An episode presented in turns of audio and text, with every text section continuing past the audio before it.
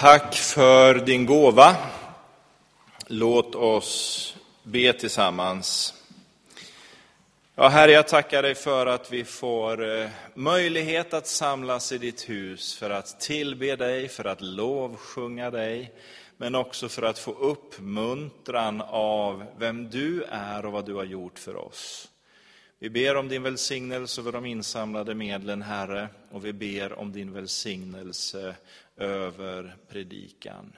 I Jesu namn. Amen.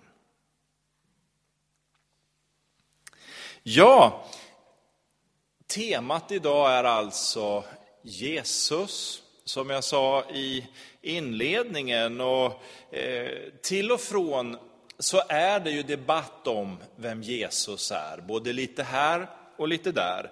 Eh, och jag tycker det är intressant att han är den som under 2000 år alltid har skapat debatt, alltid har skapat reaktioner och tankar av olika slag.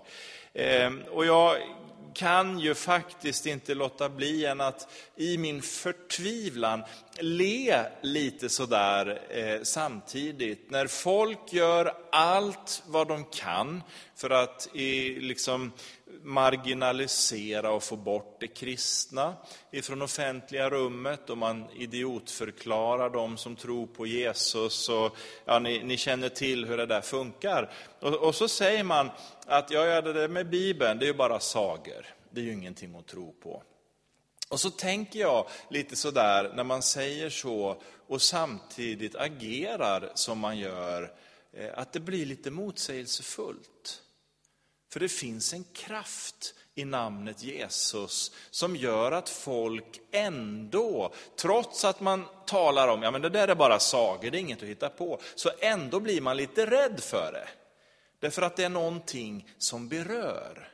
Det här med Jesus gör att alla människor på något sätt eh, tvingas att ta ställning. Vi kan inte stå neutrala inför Jesus. Antingen är det, ja, jag tror jag vill vara med honom, eller också inte alls. Och vi ska idag läsa en text i Markus evangeliet kapitel 9. Det är när Jesus blir förklarad eller förhärligad inför sina lärjungar. Men innan vi, vi kommer in i den texten så kan det samtidigt vara värt att bara påminna sig om lite om vår tid, hur det ser ut omkring oss och hur det fungerar i vår värld. Eh, vi har ju levt i ett land och en tid som eh, man brukar säga är präglad av något som kallas för postmodernismen. Eh, vi ska inte eh, fördjupa oss i det idéhistoriska här, men man kan säga att den bärande tanken i det postmoderna är att det inte finns någon bärande tanke. Det vill säga, ni har hört och man använder det där ibland, var och en blir salig på sin tro. Det finns ingen bärande tanke, det finns ingen absolut evig sanning, det finns ingen objektiv auktoritet, det finns ingenting utanför mig som kan säga hur jag ska leva och hur jag ska vara. Allt handlar om att sätta sig själv i centrum. Man upplöser allt tal om auktoriteter. Eh, och det som du säkert, om du lyssnar på nyheter och följer lite i debatten, det som just nu är på tapeten är ju det här att upplösa normer. Man ska upplösa normerna runt omkring. Eh, och det där har med, med postmoderniteten att göra. Eh, och det som nu, när vi närmar oss texten här, gör det här intressant, det är att det här står i direkt motsats till den kristna tron. Därför att om, om världen säger att det finns ingen absolut sanning, det finns ingen objektiv auktoritet, så säger den kristna tron, det finns en absolut sanning och han heter Jesus Kristus. Det finns en objektiv auktoritet som står utanför mitt liv, som ska lära mig att komma rätt och leva på rätt sätt. Och den objektiva auktoriteten är Bibeln. Så det här är ett tidstecken, den här spänningen mellan det postmoderna uttrycket eh, som sätter jaget, mig själv som människa i centrum. Eh, för det var ju det syndafallet ytterst handlade om. Jag plockar bort Gud och gör mig själv till Gud. Så därför, när vi talar om att Jesus är en absolut sanning, att Bibeln är en objektiv auktoritet, ja då skär det i öronen och blir outhärdligt för den som tänker postmodernt. Och utifrån det ska vi nu gå in i texten som jag nämnde, i Markus evangelium, det nionde kapitlet. Vi ska läsa från den andra versen och framåt. Det står om Jesus då som sex dagar därefter tog med sig Petrus, Jakob och Johannes och han förde upp dem på ett högt berg för att vara ensam med dem. Och han förvandlades inför dem. Hans kläder blev skinande vita så som ingen tygberedare på jorden kan göra några kläder. Och Mose och Elia visade sig för dem och de samtalade med Jesus. Då sa Petrus till Jesus, Rabbi, det är gott för oss att vara här. Låt oss få göra tre hyddor, en åt dig, en åt Mose och en åt Elia. Han visste inte vad han skulle säga, så förskräckta var de. Då kom ett moln och sänkte sig ner över dem, och ur molnet hörde de en röst säga, denne är min son, den älskade, lyssna till honom. Och plötsligt när de såg sig omkring såg de inte längre någon utom Jesus.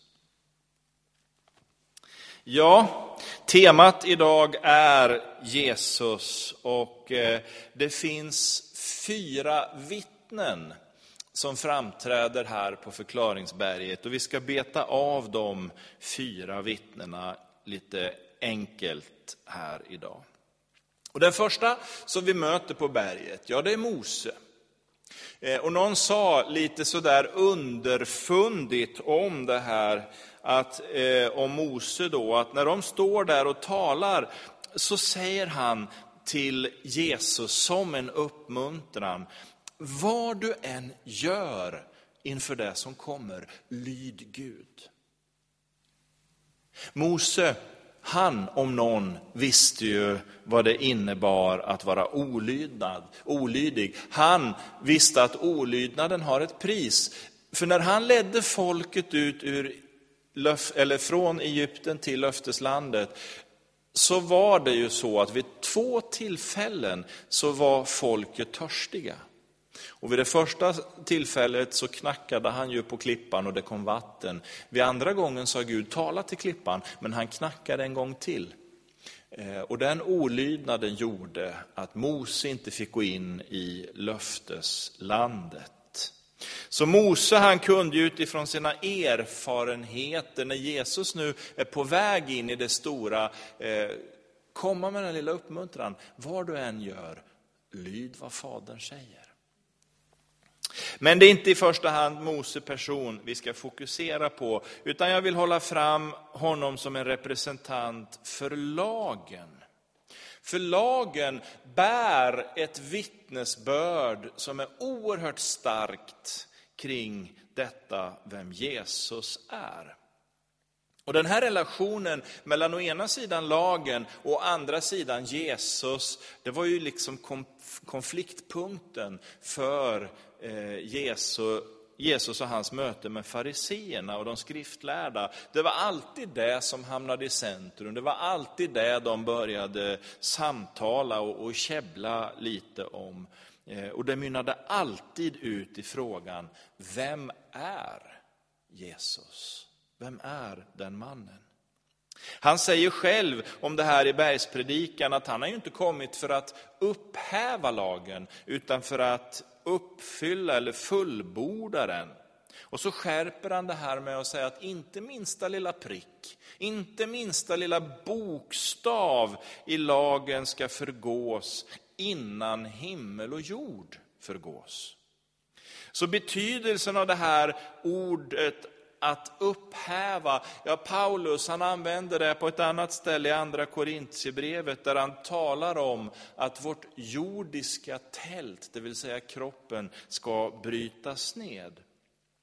En tolkning där är att brytas ned för att själv ersätta. Eh, så man ställer de här sakerna mot varandra med, med Jesus och, och, och lagen. Eh, men Jesus kom inte för att avskaffa lagen och säga nu är det borta, nu vet vi att det har fyllt sin funktion. Han pekar tvärtom gång på gång att lagen har ett syfte. Lagen gavs med ett särskilt syfte och den pekar fram mot Jesus Kristus. Därför kommer Jesus och uppfyller lagen eller för den till sin fullbordan. Bildligt sett kan man ju tänka sig det här som ett glas vatten, att Jesus kommer ju inte för att liksom hälla ut glasets innehåll och så fylla det med sig själv, utan man kan säga att det som finns där, det kommer han, och så fyller han på så att det fyller över bredden av innehållet. Ungefär så skulle man kanske kunna beskriva det. Så ingen människa, när vi nu tittar på lagen, kan leva efter lagen till punkt och pricka. Vi försöker och vi vill, men vi kan inte det. Det är bara Jesus som kan leva som lagen föreskriver.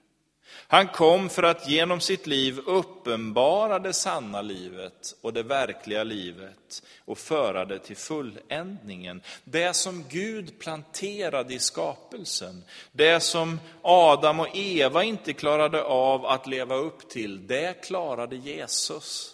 Det fullgjorde han, det lyckades han till hundra procent efterleva. I Gamla Testamentet så ser vi någonting som man kallar för ceremoniallagar, sånt som har med de här yttre föreskrifterna att göra. Det finns moraliska lagar också om hur vi ska leva.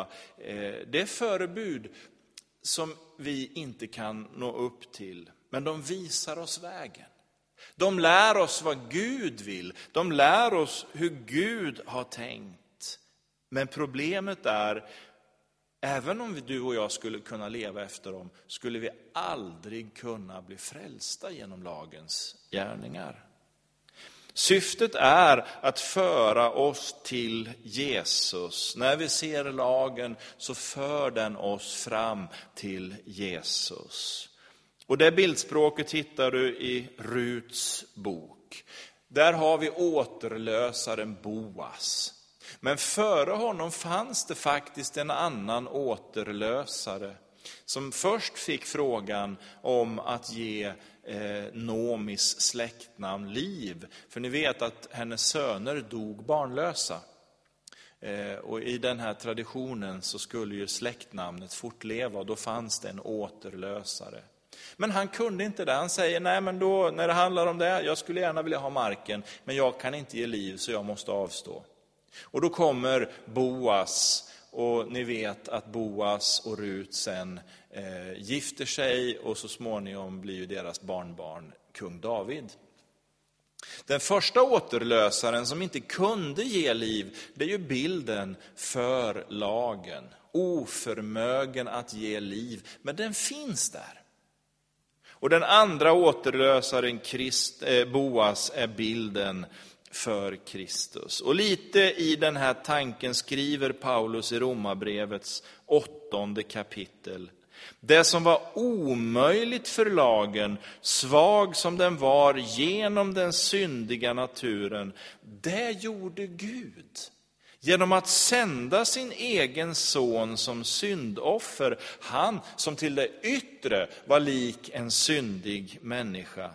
Och i hans kropp fördömde Gud synden. Så skulle lagens krav uppfyllas i oss som inte lever efter köttet utan efter anden. Så lagen eh, är kanske det största vittnesbördet om Jesus, om frälsningen som Gud har berett åt oss eh, genom Jesus Kristus. För lagen, när jag ser lagen, när jag hör lagen, vad Bibeln säger, hur jag ska leva, då inser ju jag att jag klarar inte av att leva upp till det. Ni vet Paulus i Romarbrevets sjunde kapitel, det jag vill göra, det gör jag inte. Men det jag hatar, det gör jag. Jag arma människa, vem ska befria mig från denna syndens och dödens kropp? Gud vare tack Jesus Kristus. Jag överlåter mitt liv till dig Jesus. Du klarade av att leva som Gud vill. Så därför sjunger vi i en av psalmerna i, i, i vår sångbok, Mose gav oss lag och krav, halleluja. Jesus lyfte bördan av, halleluja. Den andra personen som vi möter eh, på den här estraden eller scenen och som vittnar om Jesus, det är Elia. Och Mose, han sa ju, vad du än gör Gud, Jesus, lyd Gud. Så säger Elia en liten annan sak för att uppmuntra Jesus. Vad du än gör, ge inte. Det är tufft, det är hårt och det är svårt, men Jesus, ge inte upp. Och du vet ju kanske ifrån gamla testamentet hur Elia själv gick in i väggen. Han hade kämpat och stridit för Gud, vunnit härliga segrar, men ändå så tryckte omständigheterna på så hårt att han går ut och tjurar under en ginstbuske i öknen. Men Gud han talar till honom och han får ny styrka, han får nytt mod och han får fortsätta sin uppgift. Så hans erfarenhet, ge inte upp. Fortsätt att kämpa. Men det är inte heller Elias som person vi fokuserar på, utan han representerar de här mycket märkliga människorna som vi har i Gamla Testamentet. De som heter eller kallas för profeterna. Elia han var profet själv eh, och man kan säga att profeterna är ett speciellt utvalt mellanled mellan Gud fader och oss människor. De tjänar som ett slags språkrör. De ser och hör saker som vi vanliga människor kanske inte riktigt ser och hör. Sånt som Gud säger, sånt som Gud visar för att vi ska komma på rätt spår. De har eh, en eh, profetisk möjlighet som eh, är lite, det skiljer sig lite mot oss.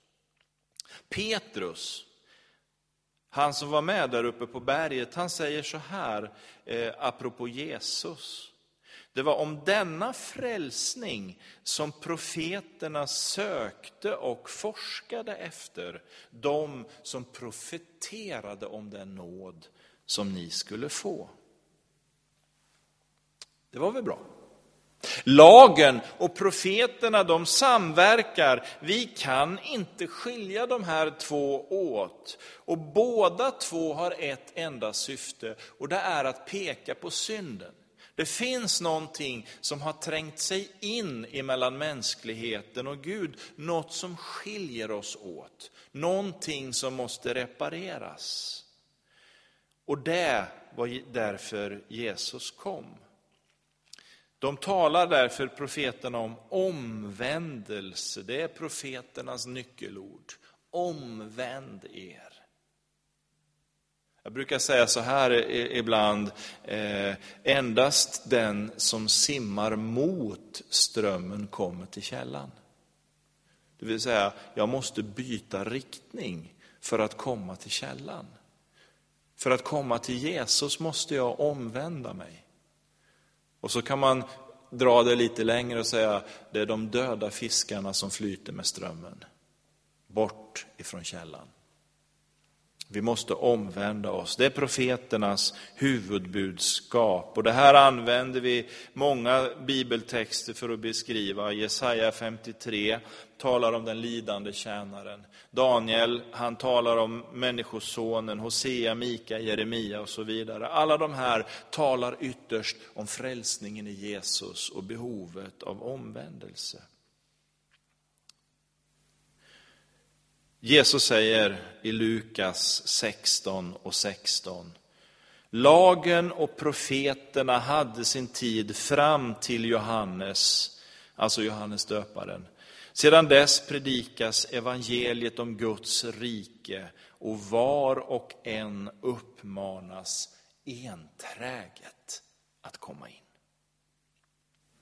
Lagen och profeterna var redskap som Gud gav till oss för att vi ska få se och förstå den kommande frälsningen. Det är omöjligt att gå in i Guds rike själv. Vi behöver Jesus för det. Det tredje vittnet på berget, det är egentligen tre personer. Och man säger att de står i förlängningen av de två första vittnena. Inte som ersättare, inte vid sidan av, lite som det här med glaset som fylls över sin bredd. De står i samma linje, eller som Paulus när han ska eh, gå vidare här, står inför döden, så överlämnar han sitt uppdrag till Timoteus och, och jämför det som ett stafettlopp. Man, man springer på samma bana och på samma spår. Tillsammans med lagen och profeterna blir församlingen insatt av Gud att vittna om frälsningen i Jesus. Därför säger också församlingen i Apostlagärningarna 4 och 12, och det här är riktigt bra. Hos ingen annan finns frälsningen. Inte heller finns under himlen något annat namn som givits åt människor genom vilket vi blir frälsta. Det är församlingens vittnesbörd. Talet om frälsningen i Jesus. Paulus säger i första Korintierbrevet 15, vers 3 och 4. Jag meddelade er det allra viktigaste, vad jag själv hade tagit emot, att Kristus dog för våra synder enligt skrifterna, det vill säga lagen och profeterna. Att han blev begravd och att han uppstod på tredje dagen enligt skrifterna. Paulus representerar församlingen, skrifterna är lagen och profeterna kan man säga. Och de har samma vittnesbörd. Ju närmare Jesu återkomst vi kommer nu, desto mer distraherade blir vi som Guds folk att vittna om detta. Vi börjar upptas av perifera saker och med ett sken av andlighet så börjar man använda sig av andra saker. Och skrapar man på det där så ser man det är bara ytlig fernissa. Bakom det finns ingenting. Vi har bara ett enda uppdrag och det är att vittna om Jesus. Berätta om Jesus för människor.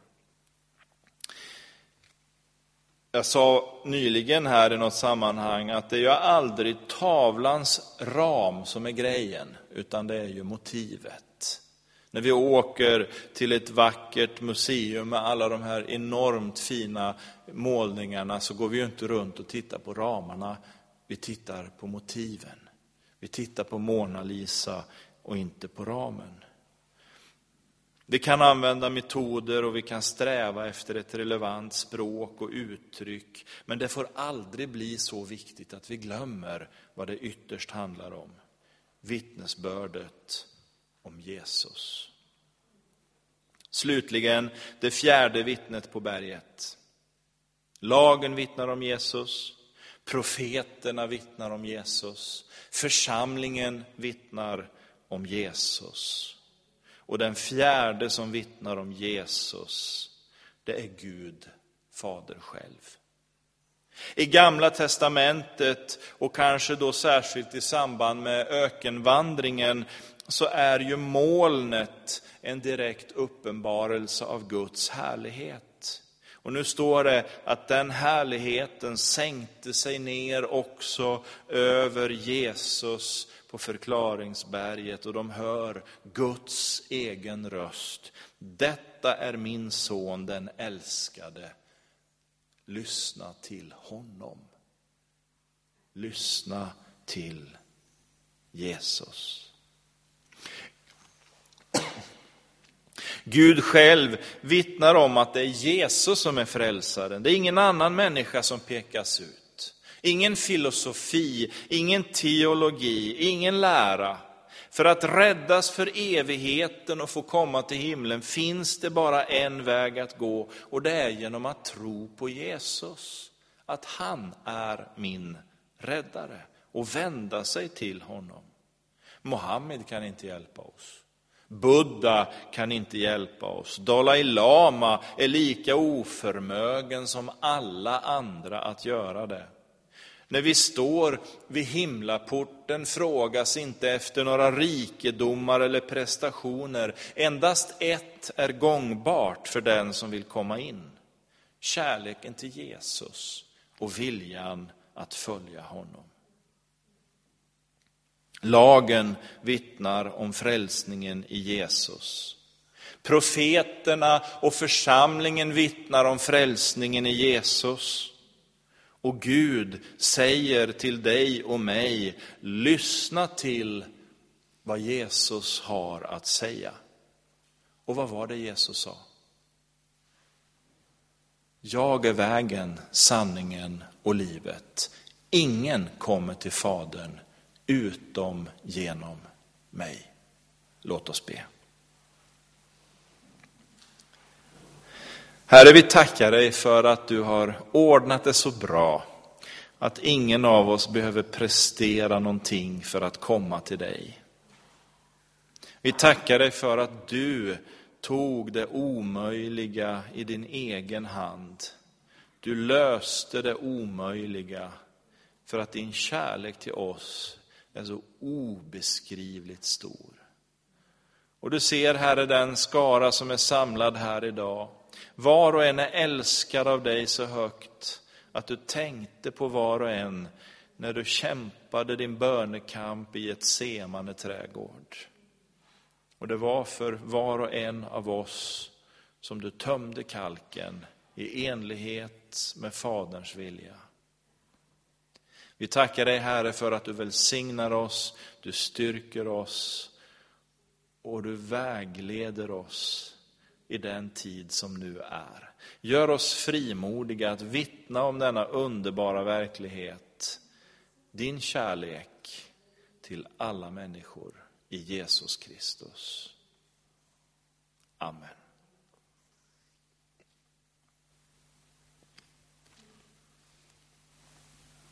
Vi ska fortsätta vår gudstjänst med att sjunga tillsammans nummer 71. Hur ljuvligt namnet Jesus är, en skön musik det till mig bär. 371 och efter det ska vi sen få lyssna till Annika.